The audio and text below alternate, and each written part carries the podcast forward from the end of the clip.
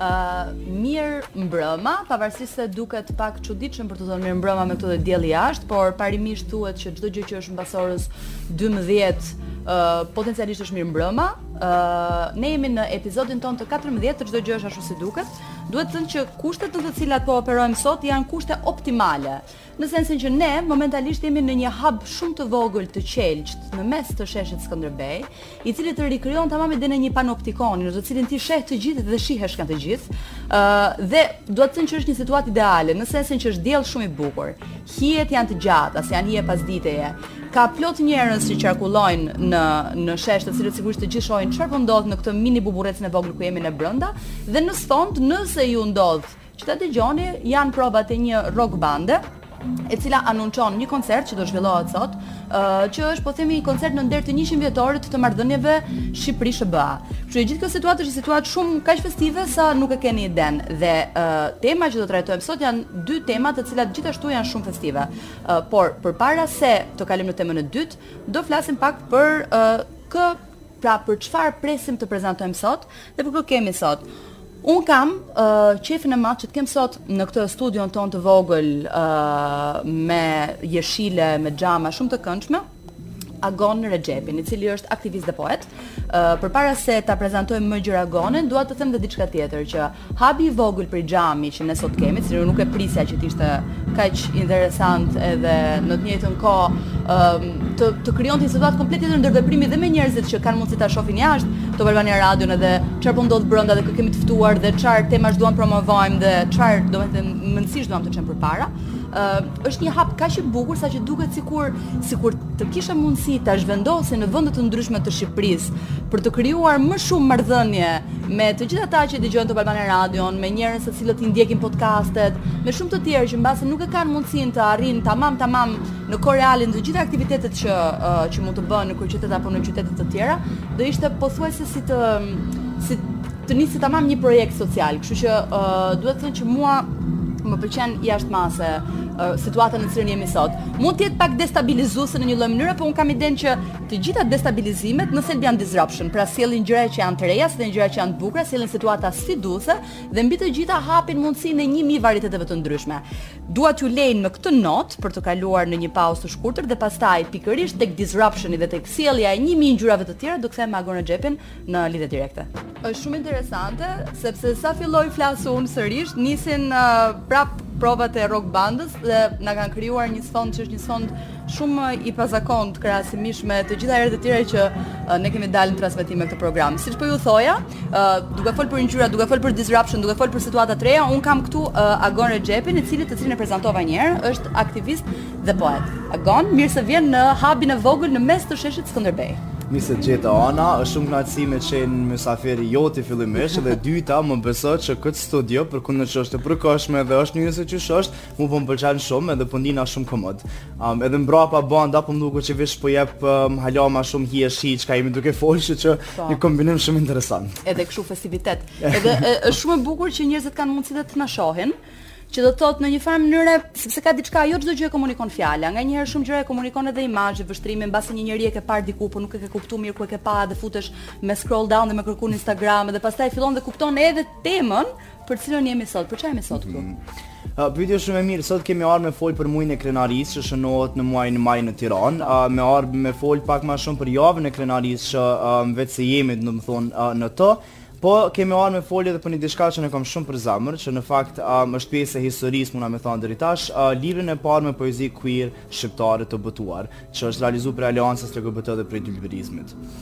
Um, e kisha fillu në me folë pak ma shumë për sloganin kryesor të Tirana Pride. Që është ne jemi familje. Ne jemi familje. Po, po. Edhe në fakt, Gjatë kohës që me ekipin organizus, domethonë kemi diskutu mbi sloganin, kështu e kemi pas një farë dakordësimi të gjithë me shku me këtë moto, edhe kanë qenë tri arsyet kryesore që neve na kanë shty, edhe kemi besu që është rasti edhe momentumi i duhun për me përdorë këtë slogan. E mhm. para prej tyne ka qenë, domethonë, solidariteti brenda grupit.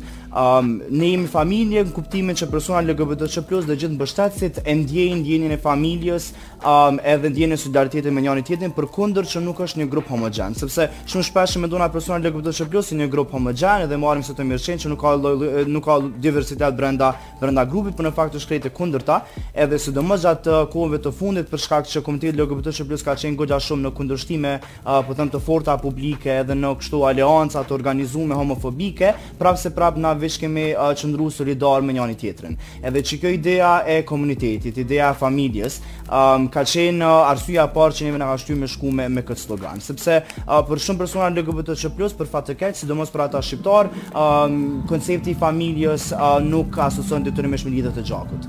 Um, Arsyeja e dytë ka qenë. Më pëlqen shumë, domethënë kjo zgjedhje ka po them një kuptim, një kuptim dhe një nënkuptim. Ka uh, kuptimin në cilin ne jemi familje sepse jemi komunitet, edhe mhm. çdo mm -hmm. komunitet në thelb kur është kur njerëzit duhen me sinqeritet dhe kur çon mm -hmm. një mhm. kauzë përpara është një familje, por është edhe diskursi i madh i familjes që qëndron mbrapa. Pra çfarë do të thotë të jesh një familje pavarësisht lidhjeve të gjakut apo jo. Patjetër që po. Këtë për shembull po. nuk e kisha menduar dhe e kapa tani nga biseda që që bëra me ty. Është po. shumë e bukur, që është po themi një lexim një lexim shumë planësh. Mm, mm, mm. Faleminderit. Arsyeja e dytë ka qenë uh, për shkak se familjet LGBTQ+, sidomos gjatë vitit të fundit janë vendos goxha shumë uh, në Shqipëri dhe krejt kjo për shkak të dezinformimit që disa media media kanë bërë me atë rastin e prindit një dhe prindit dy edhe familjet LGBTQ+ ose çfarëdo formë familje që nuk është detyrimisht tradicionale ka filluar të ndryshojë jashtëzakonisht shumë edhe në mënyrë organizue. Edhe thjesht ne jemi familje në kuptimin që um, njerëzit duhet me pas lirinë e formimit të familjes së tyre që ata duhen të ndihen rahat, uh, qoftë me partner, qoftë me me çkado që ndihen ata vetë rahat, pa e pas um, domethënë nevojën edhe detyrimin për me formu familjen tradicionale. Pra edhe vetë konceptin e familjes tradicionale uh, duhet ta vëmë në pikëpyetje edhe me diskutu në fakt çka janë problematikat e familjes tradicionale. A është në të vërtetë një familje LGBT, uh, um, në shtani um, një shkelje e familjes tradicionale apo nuk është? Ne nuk besojmë që është. Domethënë familja tradicionale kundërshtohet në forma tjera dhe domethënë problematikat janë të tjera. Janë dhuna, janë janë dhuna, janë um, po dhuna me bazë gjinore, paragjykime, diskriminime të tjera të tjera. Um, edhe arsyeja e, e tretë që na e kemi pas është që uh, me qenë njëfarë ftese uh, për familjen shqiptare me përqafu personat LGBTQ+. Uh, pra e përmenda që familjet vazhdojnë me qenë një prej problemeve kryesore për shumë persona LGBTQ+, sepse disa prej tyre e kanë problem me me dalë haptazi te këta, a, për shkak të frikës, për shkak të vetëmohimit e të tjera të tjera, por po në anën tjetër edhe për personat LGBTQ+ që veç se kanë dalë hapur, familja vazhdon me qenë goxha problematike për shkak se qysh besoj e din edhe ti edhe dëgjusit tjerë, na e kemi goxha shumë hallin e të tjerëve, ky faktori i jashtëm, ai uh, fqinji çka mendon. Çfarë do mendojë bota? na na domethënë e lojmë me udhëheq të panjohurin në jetën tonë. Edhe këto kanë qenë tri arsyet kryesore që neve na kanë shty me shku me sloganin jemi familje, po të paktën unë individualisht mendoj që ideja e komunitetit dhe solidaritetit um, është ajo që më së shumti të paktën mu m'ka shty me besu në këtë që ky slogan është i duhur. Sepse sinqerisht um, kur e shoh, domethënë gjatë gjatë punës afër me komunitetin, kur e shoh që Një urrejtje kaq e madhe, një dhunë, një shtypje kaq e madhe sistematike zinxhirore, përkthehet me kaq shumë dashuri edhe kaq shumë pranueshmëri për njëri tjetrin, është është thjesht mbresëlënëse, të betohem. Për shembull, uh, më herët e patëm një diskutim edhe përmenda një rast uh, që më tregon se sa solidar dhe sa um, bashkëpunues jemi me njëri tjetrin, Tek Alianca LGBT, aty ku punoj edhe unë, kemi një qendër ditore dhe më beso a jo, e kemi pas një rast shumë interesant që ka qenë një një djalë gay, që ka qenë duke agjëru për muajin e Ramazanit, edhe shoqja e tij e ngushtë që është një një çik transgjinore, punonjëse seksi ateiste. E domethënë që kjo tregon që brenda familjes ne po mduket që e kemi përqafuar shumë le diversitetin edhe kemi kuptuar që vlerat tona jo detyrimisht vlerat e gjithë secilit, edhe thjesht kemi respektuar vlerat tona duke respektuar vlerat e njëri tjetrit.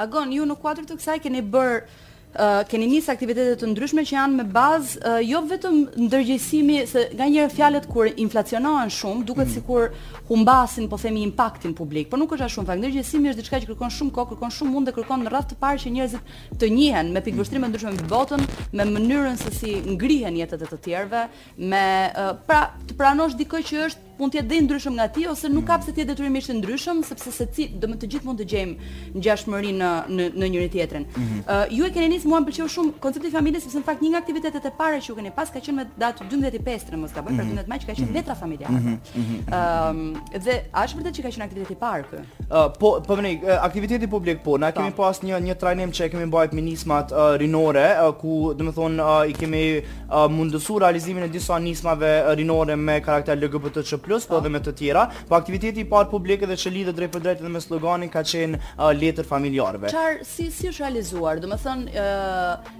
si ka funksionuar çfarë do thotë? Janë ul njerëz që janë pjesë e komunitetit dhe ata që mbase mund të mos jenë atashuar publikisht me komunitetin për të shkruar një letër siç do ia drejtonin një familjari të tyre. Pikërisht ajo ka qenë ideja. Okay. Pra e kam e kemi marrë disa persona LGBTQ+ që i kanë shkruar një letër një familjari Edhe është shumë e dhimbshme me kuptu që ato letra ndoshta kurrë nuk kanë me ju dërgu pikërisht familjarit në fjalë.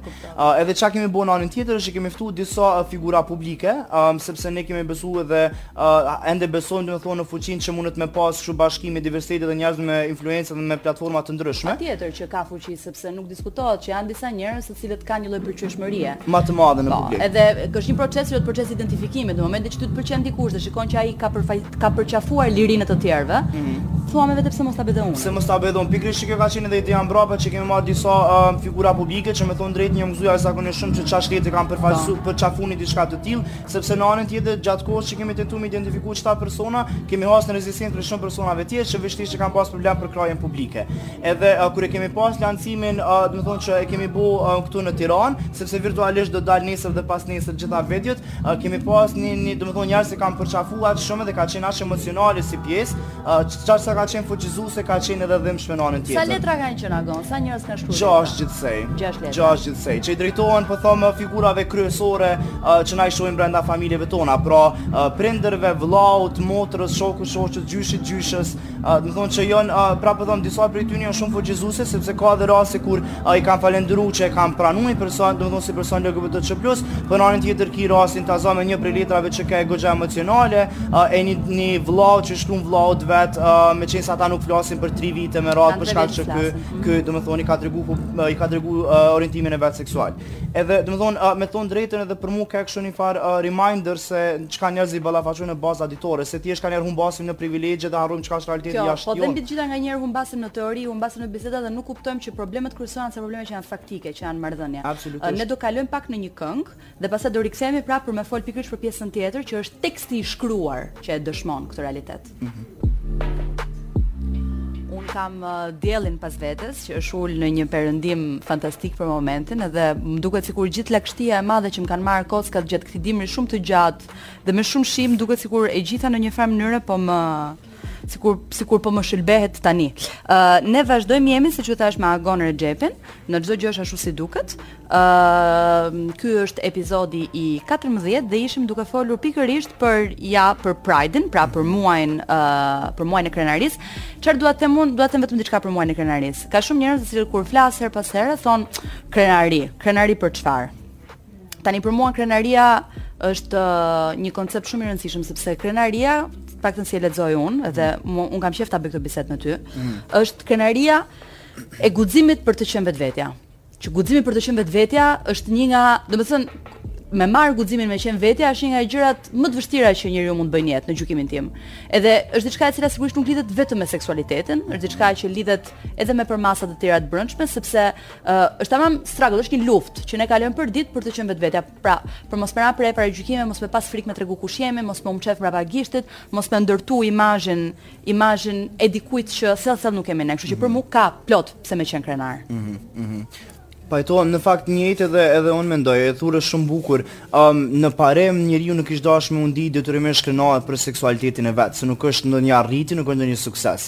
Po në anën tjetër mendoj se njeriu ka tendencën me u ndi krenar në momentin që arrin me e kuptuar dhe me përqafu një pjesë të vetes vet për cilën shtypet jashtëzakonisht shumë. Edhe mendoj që na si shqiptarë shumë lehtë mundemi me e kuptu këtë punën e krenarisë për shkak se uh, jemi shtyp goxha shumë për shkak që jemi shqiptarë dhe në anën tjetër ndoshta mundemi me e kuptu çka do të thotë kur e ti uh, e përqafon dhe e fuqizon një pjesë tënden për cilën ti je mësu që uh, do të thotë është është është pjesë gabim e jotja ose thjesht nuk i përshtatet qatij role model ose qasaj normale, si po thonë kush është. Po kjo që ti thu është shumë e bukur dhe për një arsye tjetër që ti me sa di unë ti je je ke jetuar në Kosovë apo jo? Po. Po. Kështu që ti the të të tëse diçka shumë interesante, se ne jemi shtyp shumë dhe për faktin që jemi shqiptar. Ëh mm -hmm. uh, dhe nganjëherë mendoj këtë gjë, një nga arsyet pse unë mendoj që shpesh në çështje të seksualitetit po dhe të shoqërisë në përgjithësi, shpesh Kosova është më ndërgjegjësuar se Shqipëria, është pikërisht për faktin që e ka vuajtur proklamimin e vet identitar në një farë mënyre. Ndërkohë që Në Shqipëri ka qenë situata pak më ndryshe, kështu që në këtë sens, domethënë është e bukur dhe me u pa dallimi që ekziston midis qasjes së së në këto dy në këto dy sfera të ndryshme. Megjithatë unë dua të kalojmë pak siç thamë tek letërsia queer. Ëh, mm -hmm. sepse unë mendoj që sot ndodh një ngjarje. Ngjarja uh, është shumë e vështirë të kthehesh pas në kohë dhe të mendosh uh, kur ka lindur në një vend një gjini specifike letrare. Kur ka qenë data e parë, po themi data e pagëzimit të kësaj e kësaj gjinie. Është pothuajse e pamundur me u kthy mbrapsht me e kuptu këtë gjë. Edhe shumë njerëz shpesh shkruajnë sot për shembull që me vazhdu me klasifiku letërsinë në bazë të të temave, është gabim, po kur këto tema nuk janë ezauruar dhe as nuk kanë lindur në një vend, atëherë sigurisht që nuk është gabim, është thjesht një fazë historike e prapambetur. Ë uh, sot inaugurohet një libër që është Që është libri i parë me poezi queer. Okej. Okay. Uh, domethonë, ky libër është realizu prej Aleancës LGBT dhe Dylberizmit. Um, dizajnin e saj e ka bo Rita Katona, edhe redaktimin e ka bo Arbër Selmani. Mm -hmm. Edhe uh, po du me tregu pak ma shumë për procesin, sepse shumë mirë e përmende, që um, normalisht nuk ish dashtë me u klasifiku letërsia ndoshta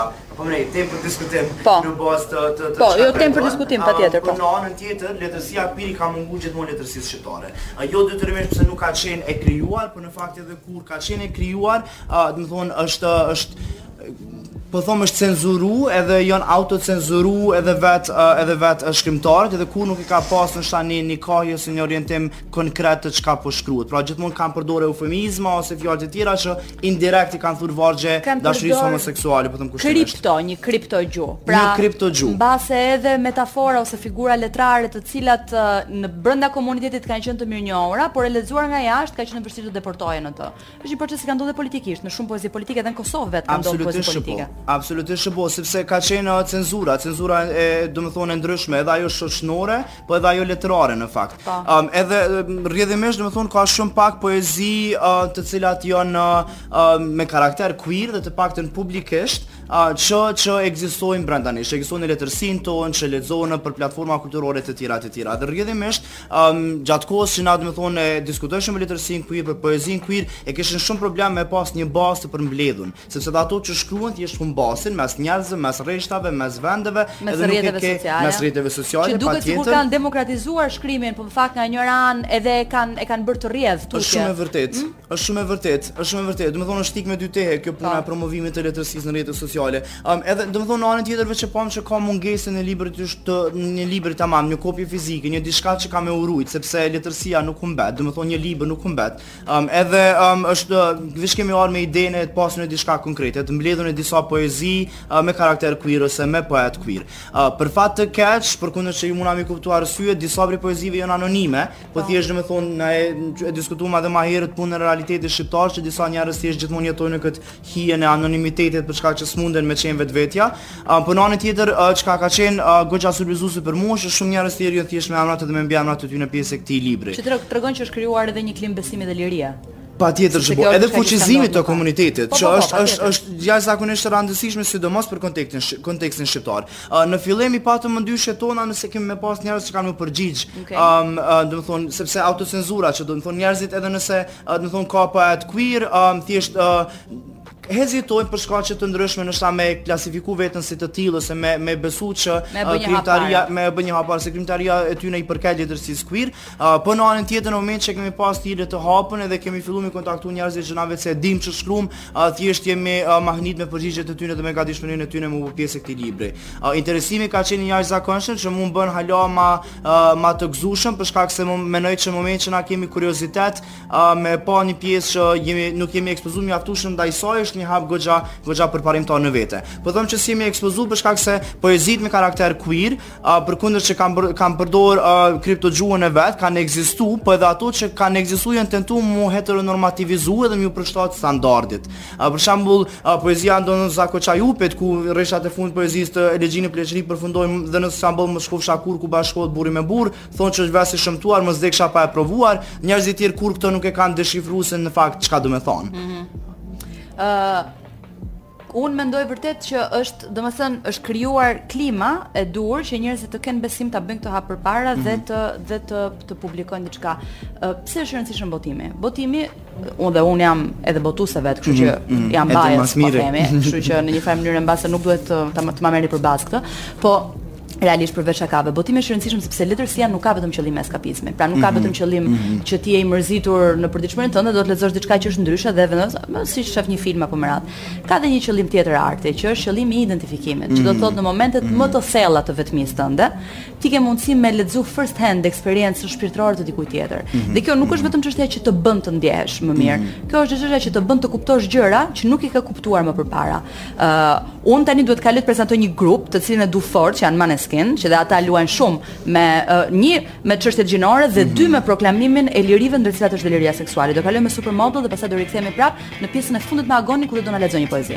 Çdo gjë është ashtu siç duket, ë edhe ne sot jemi fiks ashtu siç duket në sensin që jemi shumë transparentë dhe duam të jemi shumë transparentë, sepse njeriu duhet me qenë vetja dhe duhet me e tregu kush është, ë uh, sepse nganjëherë ka të tjerë të cilët ëm um, kanë pak më shumë frikë të jenë vetvetja dhe e ke parasysh ë uh, shef molla mollën piqet dardha mm. në sensin që kur sheh të tjerët që kanë guxim, që janë vetja dhe që jeta e tyre vazhdon si njësoj si më parë ose mbase edhe më mirë, sepse guximi s'diskutohet që është një hap cilësor mm -hmm. për jetën, uh, të qenë vetvetja është një hap cilësor për jetën. ë uh, Atëherë në atë moment edhe ata vetë marrin guxim, kështu që prandaj është e rëndësishme, po thonim me botu. Mm -hmm. Është e rëndësishme me botu, me kuptuar që nuk je vetëm, që ka të tjerë që ndjehen si ti, mm -hmm. që shpesh uh, ndjenjat të cilat ti nuk arrin dot t'i verbalizosh, pra t'i formulosh, ka të mhm. tjerë që kanë formuluar dhe ke pra shkurtuar vetë o zot sa bukur ka thënë dhe unë ndjehem njësoj. Ky është thelbi i botimit të poezisë, kështu që unë jam shumë e kënaqur që this is taking place sot, sepse është ngjarje. Domethënë do ta mbaj mend, e kupton që kjo është lindja e një zhanri në botim në Shqipëri. Tani do ta lexosh një poezi, të lutem. Doja me të pyet një gjë përpara. Mhm. Doja me të pyet sa poetë janë pjesë e përmbledhjes? Rreth 30. Rreth 30 pra janë shumë. Po. Ti the që nuk janë shumë, po mua më duken shumë.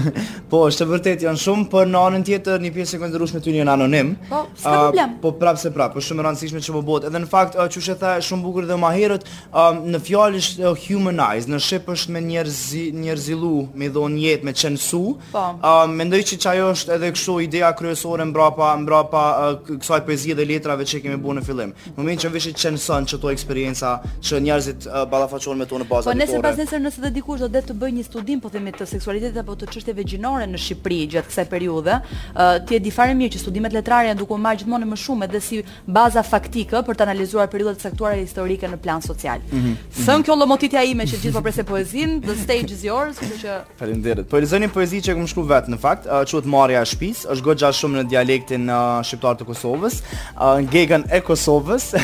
por ose që është ndryshe njihet si gegnishtja verilindore. Gegnishtja verilindore, um, edhe në fakt është një ndër poezitë fuqizuse të um, konkursit ndërkomtar që organizon Kult Strofa në um, pëmni Kult Plusi që është Kult Strofa në Prishtinë. Ti ke fitu dhe një çmim, apo jo? Po, po, po, po. Mm. Çfarë çmimi ke fitu? Ky, pikërisht, është... Uh, Ky çmim, po, okay. po, po, po. Uh, Marrja e shpisë. Kur thonjt e dorës tem të vogël janë mbush me dhe tu lujt tezësh n'mahallë. Kur dolapat janë mbush me kukullat e mia të bleme te shitoret e kinezve te Qafa. Kur fustanin e synetisë e kam bajt vesh dy muj ditë rresht, nuk jam kanë veç fmi i vogël, jam kanë marrja e shpisë.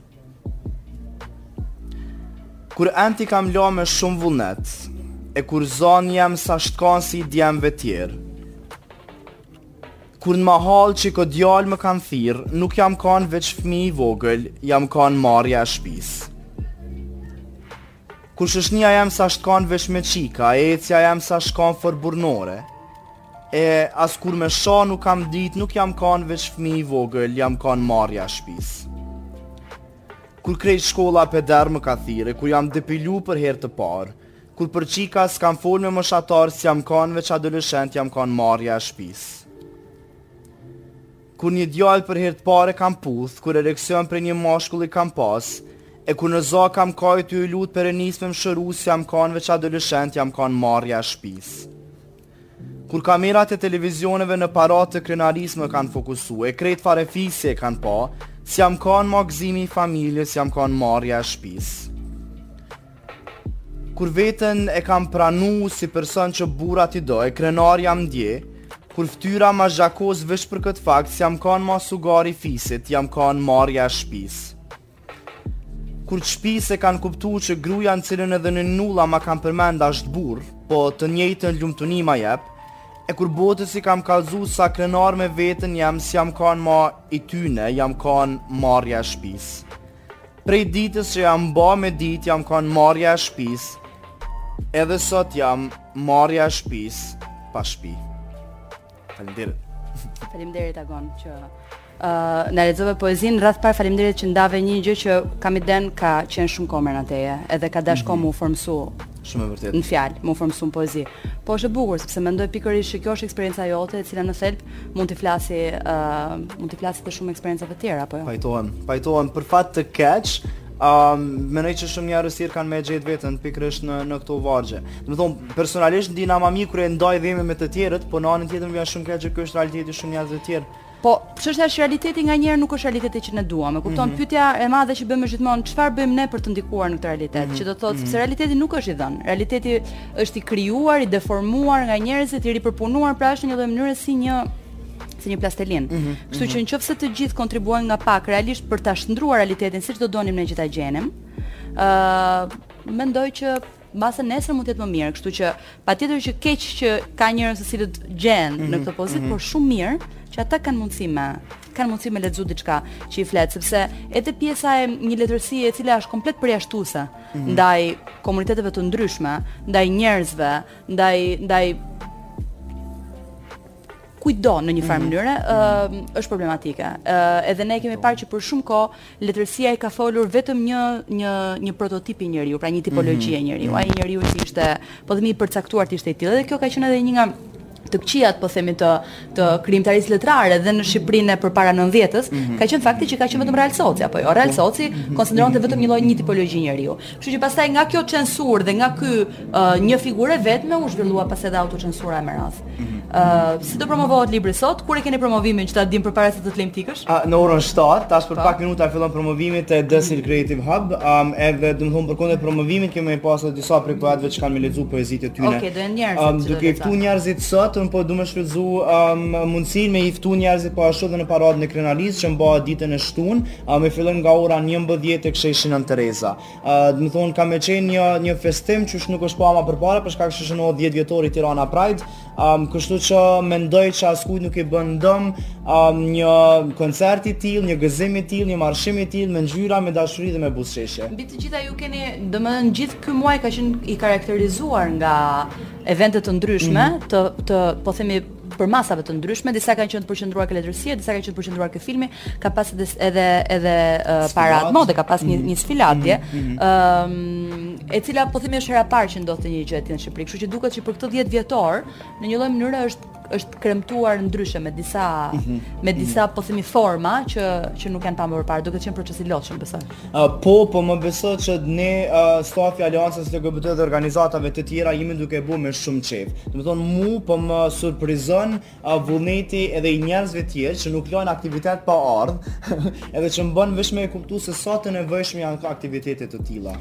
Sepse ka dhe diçka që është e rëndësishme shumë me thënë, pjesëmarrja, nganjëherë është shenja më e mirë e mbështetjes. Edhe kjo nuk vlen vetëm sa i takon pjesës së uh, aktiviteteve në kuadër të Pride-it, mm -hmm. por kjo vlen në shumë aktivitete që mund të jenë aktivitete politike, në aktivitete që janë aktivitete të aleancës në përditshmëri, që mund të jenë klube leximi, mbledhje të ndryshme etj mm -hmm. etj. Pra, nëse kur ju jeni në kafe dhe thoni që unë e mbështes këtë kauzë, e kupton? Uh, por ndërkohë po rrini n'kafe, mhm. mënyra më e mirë me tregu që e mbështet këtë kauzë është sigurisht edhe me marr pjesë, sepse nganjëherë jo gjithmonë, por nganjëherë numrat duan të thonë diçka. Po, edhe ato shërbejnë për ta përhap mesazhin edhe për atë që quhet raise awareness, pra në një farë mënyre për për me ngrit vëmendjen. Unë të falenderoj shumë që ti ishe sot me ne. Ëh, uh, për mua është shumë qejf me mbajt këtë diskutim kaq atipik ë në mes të sheshit Skënderbej mbi të gjitha e ke parasysh duket sikur uh, ka qenë një lloj ka qenë pak fatidike e kupton mm. domethënë me mbajt këtë aktivitet në mes të qendrës së qendrës së së Shqipërisë.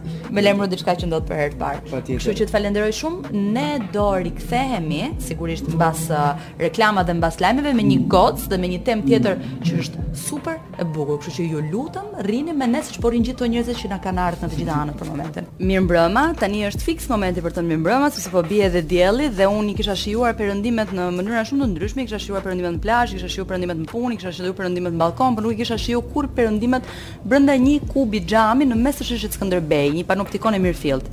Siç u premtova, un kam një të ftuar tjetër sot, pra në përgjithësi ne kemi pas të ftuar që kanë qenë o dyshe o tek dhe kanë qenë gjatë gjithë Po themi uh, kohëzgjatjes së një puntate, ndërkohë që këtë radhë kemi thyer pak un kam Loren Nikajn, e cila është një gocë që është çik si lepri i Lizës në sensin që është pothuajse e pamundur ta kapësh për të fol, domethënë për ta ndërtu këtë këtë epizod i kemi shty oraret e takimit, nuk e di, çdo ditë domethënë, megjithatë unë më në fund e kapa me tmerrin e, e madh që mundet të mos më ikë këtu Loren.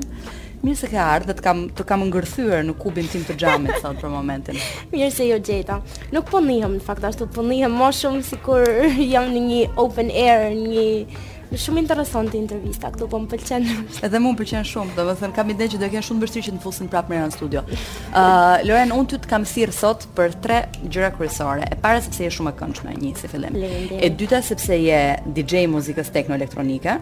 që më pëlqen shumë pikërisht sepse je je gocë, je vajzë. E treta sepse ti organizon një festival që quhet Festivali Okla, që është një festival i bër tamam nga shqiptar në Shqipëri dhe është festival i muzikës techno. I sati vit është ky që bëhet? Ky është edicioni i katërt. Edicioni i katërt dhe e fundit fare sepse ti ke themeluar një aleancë të gocave në techno. Po. Që është një formë tjetër po themi fuqizimi sigurisht nëpërmjet një muzike, ë të cilën më së shumti e kemi parë të luajtur në përgjithësi nga burra. Po. Uh, ndërkohë që duket që gjërat po ndryshojnë, jo vetëm jashtë, por po ndryshojnë dhe, dhe në në Shqipëri së fundmi. Me çfarë do nisim? Do e nisim, do e nisim me festivalin dhe pastaj kalojmë ke shtëpia diskografike? Po tjetër. Okej. Çfarë është Okla? Pse është Okla? Um, Okla Okla dhe Plipke në fakt janë të lidhura bashk. Plipke është një krijes mitologjike, që mhm. është dhe emri i labelit ton, i shtëpisë diskografike. Ne jena mundu domethënë që të kishim një koncept të përfshim me çdo gjë që bëjmë, pra jo gjithmonë të jetë vetëm muzika tema, po të prekim shumë tema të tjera. Dhe Plipke është shtëpia jonë diskografike, po që mrena ka një histori që gati gati kalon kështu si legjend dhe ne um, Plipke ne thom që u takuam me vitin me Plipken vite më përpara. Pra Plipke është krijesa juaj imagjinare mitologjike, okay. Po, Dhe Plipke është çdo çdo krijesë që ne shpesh herë përdorim pikërisht këto krijesa për të për të për, për të bërë release në në labelin ton muzik, ne përdorim imazhe të ndryshme dhe ne gjithmonë kena thonë që Plipke ndryshon imazhin e vet sa herë që ndryshon biti, stina, miç. Pra është një fytyrë që shpesh herë ndryshon, mm -hmm. pothuajse gjithmonë ndryshon. Dhe Okla është individi i parë që ishte shumë i çuditshëm ose e çuditshme, pra ishte kaq personazh i çuditshëm sa që nuk kuptoi nëse ishte një ai apo një ajo.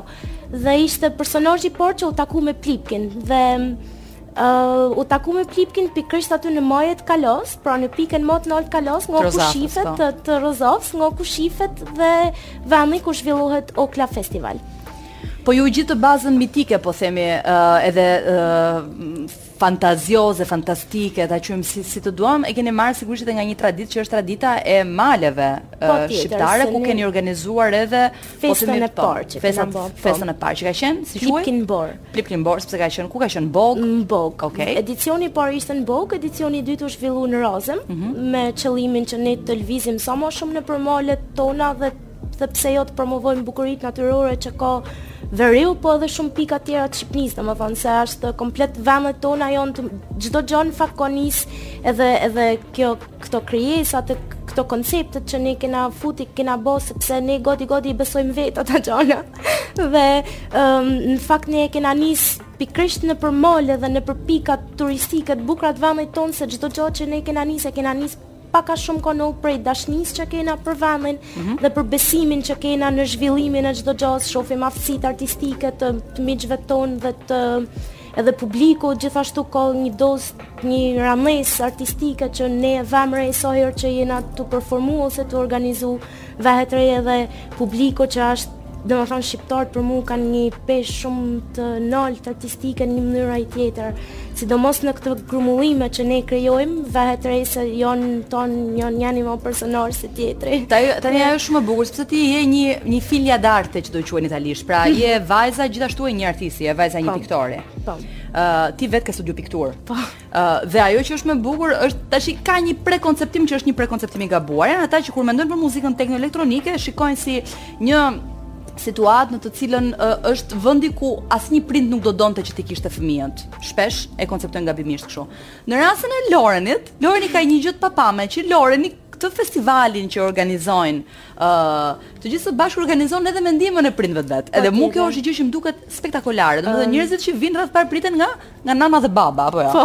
Okej. Okay. Nana e baba në fakt kanë kanë suporti jonë i parë, mm -hmm. se unë i kam pa ata dy sa herë kena dashur me organizu diçka, unë thjesht kthehem i shof në sy dhe atë Domethanë, në qoftë se ne kena një moment që na bjen pak ajo energjia ose na kapin shumë siklete përnjëherë, gjithmonë kanë kanë ata që kanë thonë që Ej, po ça thonë ose në fakt i shof që tash që e kanë po që gjonat janë bërë shumë ma serioze, e kanë pa që kanë fillu të më thonë, ej, po ju sikur stresoheni shumë, po në fakt kur jena aty te festa, unë e di te organizimet, te çfarëdo lloj momenti jena, nana e baba janë gjithmonë një pikë suporti, po kur shef ata që s', nuk, nuk i dridhet syni për kurrgja të, kap edhe ty ajo energjia. Po.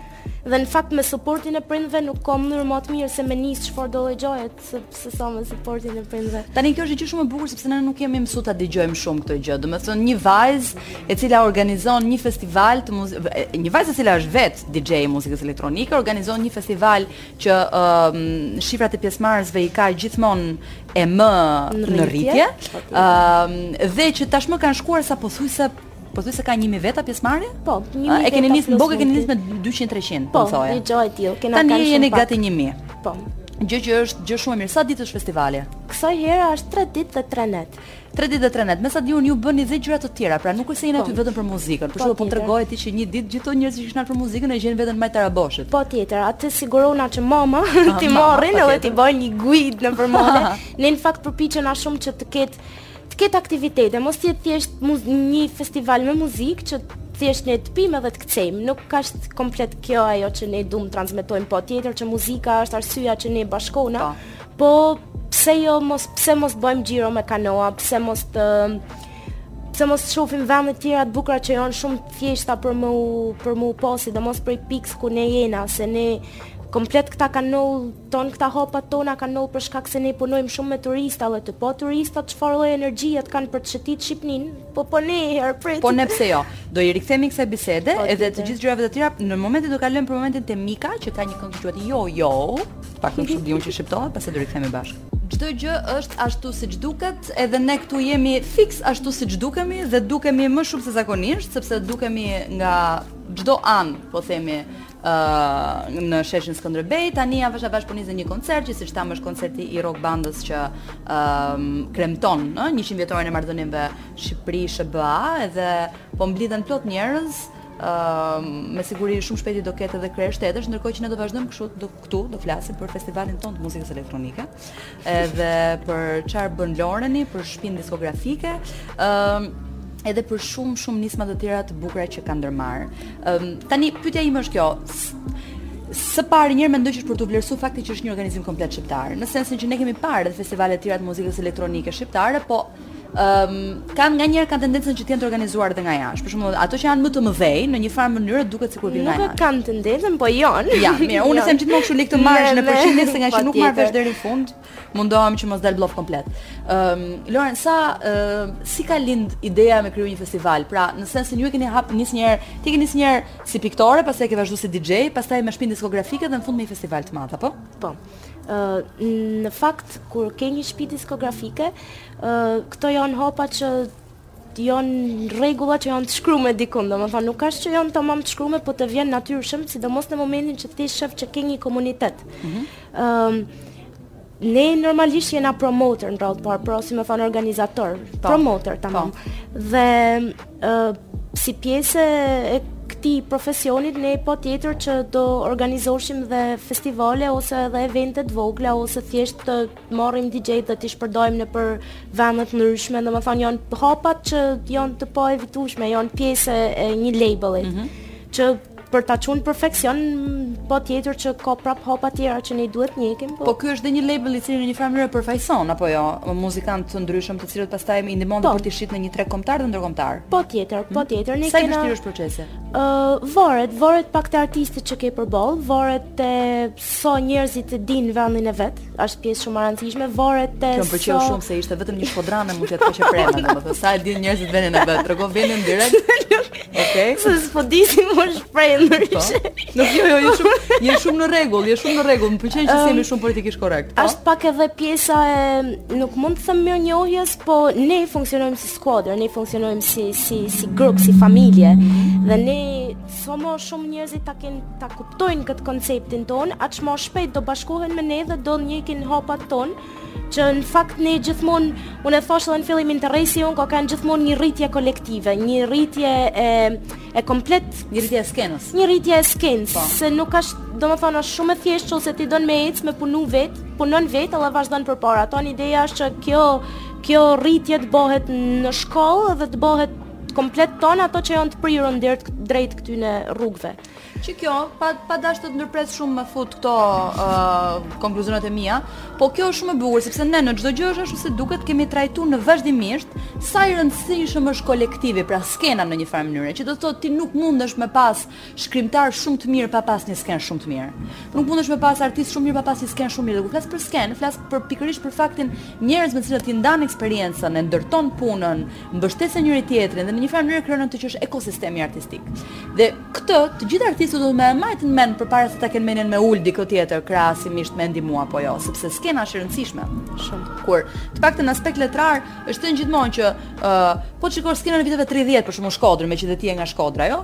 Autorë pafund më të njohur si Koliqi, uh, apo Gurakuqi, më pak të njohur si Pjetër Deta apo Cuk Simoni, por nuk ka rëndësi, një skenë aktive. Njëta gjë kam idenë që duhet të ndodhi dhe sa i takon muzikës elektronike, apo jo? Domethënë, po. sa më sa më e fuqizuar të jetë skena, aq më edhe ajo po ndodh edhe po ndodh po. apo jo është po ndodh po e drejtë okay. kom domethënë muzika elektronike këto vitet e fundit ka pas një zhvillim gjithmonë ka kanë e zhvilluar në vendet tona ka pas ne kena video të vjetra që njerëzit janë të kthy muzikë elektronike ka pas gjithmonë po jo në mos jo ti po. po tamam po jo jo të ketë një po jo të ketë një zhvillim siç ka sot për shembull do të rregoj ty një sekret Po do ta tregoj vetëm ty. Vetëm mu, të lutem. Ti që po afrohem më thuaj se më ishi. Kur kemi punuar dikur për bërjen e shtëpisë studio Kadare muze, që është një muze shumë i bukur. Në apartamentin lart është shtëpia e Feim Ibrahimit, ë, i cili është kompozitor, goxha i njohur shqiptar. Ëm, dhe e shoqja Vera ruan disa disqe fantastike vinili ose ndryshe edhe ca bobina, në të cilat ai ka regjistruar disa nga përpjekjet e para të një muzike elektronike shqiptare përpara viteve nëntëdhjetë. Dhe ai për shembull është një projekt fantastik. Do ishte, tani unë po ta sugjeroj ty se ty të kam përballë, mbase. Silleni pra, ta shohim. Jo silleni, shkoni merreni. Po. Shkoni merreni, sepse vërtet domethënë kam idenë që në radhë të parë njëherë ato duhen zbobinuar, pra duhen heq nga bobinat, përndryshe ka mundësi që ato të humbasin. Në momentin që arrijnë të kalojnë në format dixhital, pastaj mund të përdoren sepse ajo është tamam në një lloj mënyre një zanafillë e muzikës elektronike shqiptare. Patjetër. Unë thashë ka pas qysh përpara se ne shifen gjurmët, dashtë pa dashtë vehet re, domethënë gjen diku gjen materiale që ka pas zhvillim, mm -hmm. po sigurisht kanë kanë grupime të vogla. Patjetër, sepse s'ka qenë linja, siç po flisim edhe më parë me Agonin që kishim, atëherë ka qenë kultura ka qenë njëdimensionale në një farë mënyre që duhej vetëm një prototip, po themi një, ishte kishte vetëm një mënyrë të qenë. E ti e di shumë mirë, dhe festivali i RTSH-së ishte festivali i muzikës së lehtë, pra ishte vetëm muzika e lehtë, asnjë muzikë tjetër, sikurse në letërsi ishte vetëm realizmi socialist dhe asnjë rrymë tjetër. Kështu që shyqyr Zotit që kemi kaluar atë fazë dhe tani kemi mundësi dhe të eksperimentojmë, kemi dhe njerëz si ti që krijojnë dhe mbi të gjitha jo vetëm që janë, jo vetëm që performojnë, jo vetëm që bëjnë festivale, por na krijojnë dhe aleanca të vajzave në techno. Çfarë do të thotë aleanca të vajzave në techno? Ne um, tamam tamam ne nuk ja kena vu emrin aleancë, okay. se kjo gjoja ka lind pak natyrshëm në fakt, po ne Unë herën e parë që luajta shifsha vajzat që po të shifsha vajzat në sy, marrsha një dozë qetësie direkt pa. Po. dhe direkt e kuptova që shife, se ka pas shumë vajza që do duan me ju fut kësaj rruget dhe në fakt skena në Shqipni është shumë e sigurt. Ndryshe për shembull prej çfarë shof un jashtë ose mikeshat e mia që performojn jashtë shtetit që jan t'huja kur flas me ta, ta kan has shum shpesh kan nesh probleme në sken nga ma t'nryshmet dhe un e kam vu re që te ne nuk nodh kjo pra është shum nji nji nji habitat shum i sigurt për ça e ke fjalën specifikisht për abuzime me substanca narkotike gjëra të tilla jo po për shembull çysh te fakti që ti je një vajzë që po bën muzikë shifesh pak më ndryshe dhe Te ne jo pra, po nëpër botë shoh që i nodh shumë shpesh. Ashtu, domethënë ti mendon që në një farë mënyre ky sektor është më emancipuar në aspekt gjinor se sa jashtë? Po me sa kam folur me shoqet e mia që performojnë jashtë, po ne nuk kena has ndonjëherë vështirësi që të të jena në skenë dhe të na kërkojnë diçka jashtë jashtë asaj që ne po bëjmë, pra të luajturën muzikë.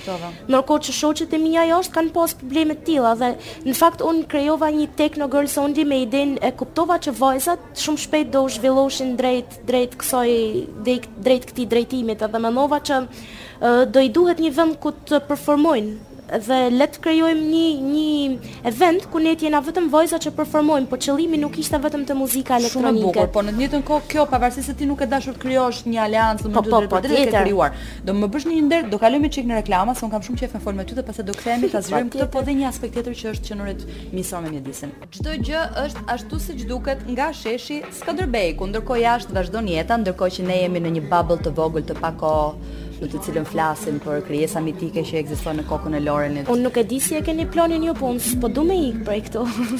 Valla edhe unë me thënë drejtën kisha vazhdu deri nesër, duke folë për shumë gjëra shumë interesante që ti më the gjatë kohës së pauzës, edhe kjo është interesante. Domethënë, nganjëherë njerëzit i thonë gjërat interesante, t'i thonë në atë kohë në pauzë, dhe ti thua, "Ok, mund të mos harxhosh Të gjithë entuziazmin dhe energjinë për m'i thënë tani, po m'i thuaj kur të jemi on record, sepse dhe të tjerë duhet të dëgjojnë. Uh, po më thoje që ne ishim duke folë për një temë uh, të ndjeshme, që ishte diçka që mos ma kishte marrë kurrë mendja, edhe unë sot mora vesh diçka të re, që ishte pikërisht fakti që më pak në një farë mënyrë diskriminim gjinor ka në Shqipëri se sa çka jashtë. Po më tregoje rastin e një shoqes tate. Po, në Barcelonë. Ëm, um, mikja jeme më ka tregu për një rast që Ajo kishte për të performu dhe performoi dhe në një moment të caktuar ajo pyetet nëse do hiqte bluzën apo do vazhdonte të performonte ashtu. Dhe për shembull, kjo kjo është një gjë që në Shqipëri për shembull nuk ekziston, s'ka për të ndodhur ndonjëherë. Domethënë unë unë kam atë siguri te skena jonë dhe te te promotorat, te organizatorët që ne kena të bëjmë që nuk nuk ekzistojnë gjëra të tilla domethënë. Po. që domethënë, jo vetëm që nuk mundet me ndodh, po në rastin që një, një cenim sa më i vogël që mund t'i bëhet një vajzës në, në skenë, unë jam e sigurt që do ishin një grup i madh çunash që do hyshin me sulmu direkt, sepse ne kështu e kena ndërtu situatën, e kena ndërtu me shumë me shumë transparencë dhe me shumë drejtësi. Edhe ka arrit në përfundimin që ne sot jena të tanë shumë të lidhur njëri me tjetrin, drejt kësaj Edhe kjo është e bukur, e kupton që në një farë mënyrë nuk përdoret ai që është seksualizimi për ta shit muzikën, por për që po që është muzika e mirë, apo jo? Po, patjetër. Ju keni bë disa nisma, ë uh, që janë për mua nisma shumë të bukura, sidomos të bëra nga një komunitet të rinjsh, nga muzikantë, në një moment shumë kritik, ju siç e dini ne vazhdimisht Në këtë podcastin tonë e kemi përmend shpesh rastin e asaj që po ndodh në Ukrainë, pra konfliktin global që është krijuar uh, mbas sulmeve të Rusisë mbi Ukrainën, uh, të cilët tërhiqen po të marrin sigurinë që Ukraina nuk do me hy në NATO. Po kjo është tjetër histori. Uh, ju keni organizuar një festival të, po, mirëfilltë si fundraising për po, Ukrainën. Ne kena krijuar një event para pak kohet, kena krijuar një event ku komplet fitimet të shkoshin për për Ukrainën, për dhe në fakt ne u lidhëm me ambasadën, mm -hmm. patëm një takim dhe me ambasadorin e Ukrainës në po. Shqipëni, i cili na shprehi mirënjohjen e tij dhe në fakt shumat nuk ka se ishin marramendëse ato që ne mblodhme, po ajo që ia vlejti ishte Ne kena shumë miq në Ukrainë dhe shumë prej artistave që ne marrim te këto organizimet tona jo vijnë nga Ukraina dhe lidhja që ne kena kriju me ata asht ba goxha e madhe dhe kena kriju një lidhje shumë shpirtnore dhe jena paka shumë atë konceptin e familjes, ata janë pjesë e grupit tonë. Dhe në momentin që patën sulmet e para në Ukrainë, ne kena jetu ditë natë me Kievin live, me lajmet në Telegram që po ndodh dhe nuk e shifshim të arsyshme me vazhdu atë rutinën tonë, pa ba diçka për ta në radhë parë, që ndoshta nuk kje aq e madhe vlera monetare që ne arrime me grumullu, po ajo që kje më e madhe kje mesazhi i miqve tonë që thote që ato ishin midis luftës dhe thoshin jena filled me joy.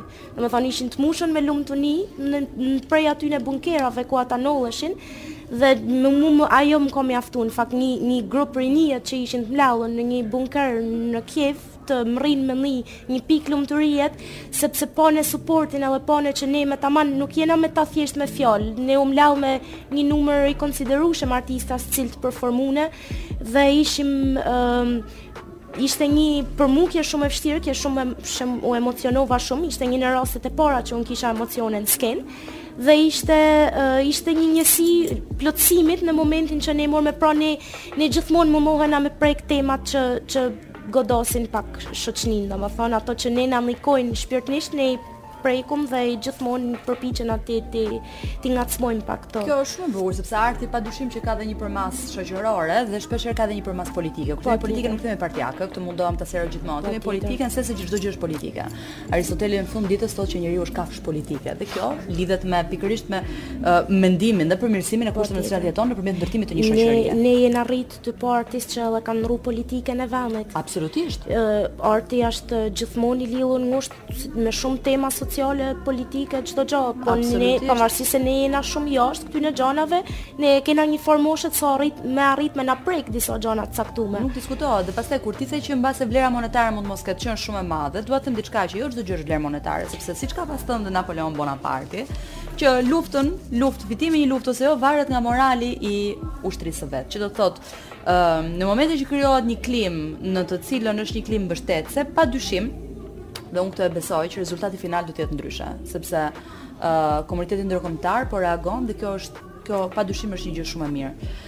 ë uh, Për t'u kthyer në skenën tonë të vogël, uh, në këtë që ndodh në përditshmëri ju, në festivalin Okla keni ndërmarrë dhe një nismë tjetër që mua më pëlqen shumë, që është ajo e sensibilizimit ndaj mjedisit. Po, Prandaj them, e di pse kam dashur realisht me pas këtë festival sot këtu, Jo se është një festival, se festivale ka kaq shumë sa janë çdo dy muaj duket sikur në Shqipëri ka nga një festival. Por më pëlqen shumë sepse imazhi që është për festivalet e muzikës teknoelektronike është në thelb një imazh shumë më agresiv dhe ndryshe nga ç'është imazhi i këtij festivali, që është një festival që do me promovu viset shqiptare, që është një festival ku luajnë vajza, që është një festival që është miqësor ndaj mjedisit, pra Ëm, um, cila është nisma juaj? Çfarë doni të bëni? Çfarë partnerizimesh keni për me ndihmu mjedisin? Ë, uh, ne në fakt nuk kena arrit me bë shumë shumë shumë gjona në lidhje me riciklimin, por kena bë atë që kena mujt. Jena siguru që në fund feste komplet plastika e konsumuar prej tonë pjesëmarrësve në event të shkonte tek një firmë që riciklonte komplet plastikën që ne kishim atë. Në fakt, ne kena kalu shumë opsione si për shembull kthimin e kësaj plastikës në vepra arti. Po. E i kena i kena shqyrtu tona opsionet, por nuk ka që ia kena dalë 100% me arrit me nxjerrë vepra arti nga plastika që ndoshta këtë vit po atë do bëjmë. Po që që në fund të një feste ku ne zhvillojmë në një ambient komplet të gjelbër të ndërtuar me shumë kujdes, me art, me dashni dhe me me komplet atë lirinë që ne marrim në momentin që fillojnë ato tre ditë të Okla Festival kur hapen dyert ne jena secili prej nesh është pak a shumë i zhveshur prej për ne jo domethënë njerëzit tjerë të zhveshur prej përgjegjësive dhe janë thjesht për të shiju pikërisht atë natyrë, atë muzikë që ne nuk mundena me leju që në fund feste aty të jetë plot me shishe plastike, ashtë, po nuk e nuk e suportojmë, nuk mund ta bëjmë. Po, padyshim, ë uh, që në këtë mes domethën luhet edhe një komponent që është komponenti i edukimit. mundohena që i njerëzve që marrin. Sepse ne kena shumë besim te njerëzit që marrin pjesë në eventet tona, i njohim gjithsecilin pjesëmarrës ne pothuajse e njofim dhe e dina që gjithsecili prej këtyne të rinjve janë të prirun drejt përmirësimit për çdo lloj gjaje në vendin tonë se nuk ashtë muzika elektronike tashmë ka mbledh një grup rinie që janë bëjogi, rini Rini nuk mund të thonë me kanun, sa mund me thonë me një botëkuptim shumë të pasun. Bota e gjithsecilit prej këtyne pjesëmarrës janë të mushun me ngjyra dhe me, me tonë si rini kena uljet e ngritjet tona, diskutohet, po unë jam e sigurt që ne kur mbledhena në ato tre ditë festival ne kena ton të njëjtën aura që arrijmë me me me kop pika shumë të nolta lumtuniet nëpërmjet muzikës, nëpërmjet asaj që po zhvillojmë, nëpërmjet tonë e shofin që ato ato shishe plastike po mbledheshin edhe do shkoshin për riciklim. Tonë e dinë dhe tonë e kanë atë ndërgjegjësimin kundrejt gjonave që prekun shoqninë. siç është siç është plastika. Dhe ne përpara se me e zhvillu këtë ne kena hedh një post në Instagram që thotë uh, nature or plastic. Domethënë një nuk ke rrugë të mesme. Nuk ka një zgjidhje tjetër, është edhe një slogan shumë i bukur që uh, nxjerr planetin dhe uh, thotë që there's no plan B. Do të thotë nuk ka plan B. Që do të thotë Kjo nuk është diçka që ti mund ta rekuperosh në të ardhmen, po e shkatrove tani. Mirëmbrëma dhe për një herë të fundit për sonte, sepse siç ju mund ta keni kuptuar, ne kemi arritur uh, në pjesën e fundit të podcastit Çdo gjë është ashtu si duket, shpresojmë shumë që uh, sot të jeni knaq se kemi pas dy tema shumë të bukra. Uh, Loren pra po më thoje që kishe një marak.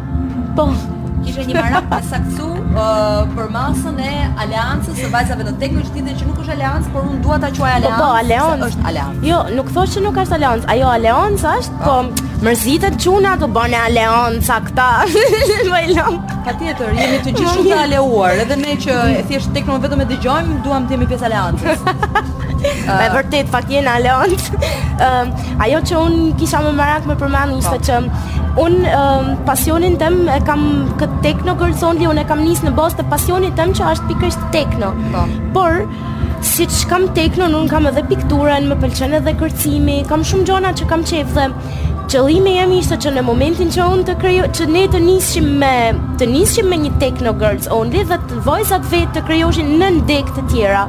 Pra, ato që kishin pasione të tjera, qoftë poezia, qoftë Çdo lloj, çdo lloj pasioni që mundet me përfshi botën e artit, të artit dhe jo në fakt, ato të bashkoheshin edhe të krijoshim një një lloj të krijoshim nëndegë të këtij të kësaj aleance që ne të secila të kishte suportin e vet dhe çdo gjë të marrte më shumë vëllim. zhvillim që ne do do e bëjmë, po unë po e them kështu që ta ta ndijnë në një anë t'i vijnë në ide. Pra pak a shumë ajo që ju bashkon është pëlqimi ndaj muzikës tekno, por nuk është vetëm po. që kjo aleancë në një farë mënyre të të shënjojë vetëm ato krijime artistike që lidhen me teknon, apo jo? jo? Po, po, kjo është ideja, domethënë, mos të jetë e bazume vetëm te tekno, të jetë e bazume te shumë pasione që vajzat mundën me pas, mos të jetë e përqendrume vetëm te muzika elektronike. Loren, Si e gjeni skenën në Shqipëri për festivalet shqiptare, që do të thotë sa e vështirë ose e lehtë, sa e favorizuar, sa e favorizuar është procesi? Është është e thjeshtë që një festival me organizim të tëri shqiptar në një farë mënyre të mbahet në Shqipëri, uh, sepse çfarë ndodh? Unë jam e bindur që uh, ju jeni të gjithë shumë miqësorë dhe shumë friendly në në në skenën e madhe të muzikës elektronike. Problemi është që nganjëherë festivalet që janë të mëdha, dhe që janë brande të huaja, vijnë me më shumë infrastrukturë, pra me një infrastrukturë më të përgatitur, me më shumë kapacitete, me më shumë staf, me më shumë fonde etj etj. Ë me të thënë të drejtën ne për ditë ndeshena me vështirësi nga ma të mdhajat, është super e vështirë, është jo është më së shumti e vështirë, gati jo është, është gati e pakonceptueshme sa e vështirë, sepse dhe nuk na kuptojnë shumë, dhe po çdo komplet, çdo dozë Vështirësiat që ne kena veniten shumë thjesht me momentin që ne arrijmë gjon mo të vogël, ne jena persona që kena aq dashni për vendin edhe kena aq besim e respekt se edhe sikur të mos bëhet çereku, tre çereku i planit që ne kena mjaftohena me atë çerekun e asaj gjoje që ne kena arrit dhe ne Ato vështirësitë gati gati nuk ndihen, sidomos kur ti e shef që po po po ec në një drejtim tjetër, edhe në qoftë se ty të kanë met disa gjona tjera që ke pas në plan, e shef që nuk, me thonë, mësohesh mos me i dhonë rëndësi gjonave negative që ti je mund t'jesh i rrethum, dhe i jep shumë rëndësi edhe e vlerëson shumë qoftë një pikë të vogël shprese. Pra ti do të thuash që në një farë mënyre është edhe çështje qasje mendore megjithatë politikat sigurisht kanë nevojë që të përmirësohen Po, normal. Në ndihmesën, mbase të ndihmojnë më shumë festivalet që janë lokale, sepse ato kanë nevojë për më shumë ndihmë. Po, besoj që besoj që herët a vonë do ndodhin dhe do do do zhvillohen edhe në këtë pikë. Ne kemi një DJ këtu në Top Albania Radio që quhet DJ Kloi, e cila është dhe DJ që uh, është bashkëpunëtore për këtë podcast.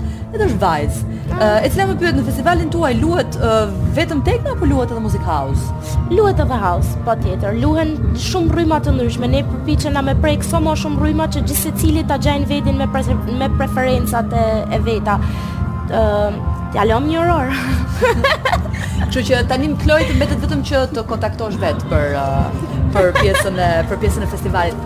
Unë jam shumë e kënaqur që të kam pas sot. Jam shumë e kënaqur që herë pas here kam mundësi të promovoj vajza që realisht bëjnë punë shumë të mirë dhe që në një farë mënyre na përfaqësojnë të gjithave në fuqizimin. ë në këtë një përpjekje që është përpjekje kolektive në fund të po, ditës. Pavarësisht se ne mund të mos jemi pjesë e skenës tekno, e jona është përpjekje kolektive për me qenë sa më inkluziv të të vajzave. Unë kam një pyetje. Kur do më ftoni prapë që të flas kështu për gjëra negative se isha shumë pozitive sot? Po ne nuk i ne nuk i prekim gjërat negative sepse po të prekim gjërat negative me mu hap vazën e Pandorës, si quhet. Kështu që ato gjëra i kemi lënë më njanë sepse Mirë se do, do pim më kafe më po, ditë. Patjetër. Ë uh, tani ka dhe diçka tjetër. Unë kisha përgatitur në fakt dhe një tekst, të cilën nuk më, ngaqë e kisha shumë uh, të bukur bisedën, ë uh, kisha përgatitur një tekst që ishte një tekst i një autori, ka shkruar një libër, Anthony Marra quhet, që quhet Cari i dashurisë dhe i teknos. që në një farë mënyrë i prek pak të dyja tematikat për të cilat folëm sot, që ishte pikërisht dashnia ishte e para, dashnia pa njohur kufijtë e seksualitetit apo të gjinisë, se kishim ftuar Agon Rexhepin që është uh, aktivist dhe poet. Uh, dhe kishim edhe teknon që e prekëm sot. Megjithatë, uh, ne do gjejmë një mundësi që ndoshta ta lexojmë në puntatën që vjen, uh, sepse sot nuk ishte edhe për shkak sigurisht të grupit rock që luan në sfond që po na kënaq me muzikën e vet, se ne nuk kemi vetëm fansat e teknos Jemi edhe fansa të rockut, për shembull tani në mos gaboj u luajt uh, Call Me e Blondit, që është një këngë shumë e bukur sidomos për të kënduar në karaoke. Ëh uh, dhe për të thënë këtë gjë, uh, radhës që vjen ju premtoj që do lexojmë tekstin që kishim përzgjedhur për sot. Kështu që sot ne ju themi mirupafshim uh, dhe do shihemi të enjten që vjen. Lora, faleminderit. Faleminderit ju për ftesën. Unë u kënaqa ishte një bisedë shumë konstruktive dhe ja Super. Po të më shumë. Kështu që kaloni mirë, shijojeni natën dhe dëgjohemi të enjten.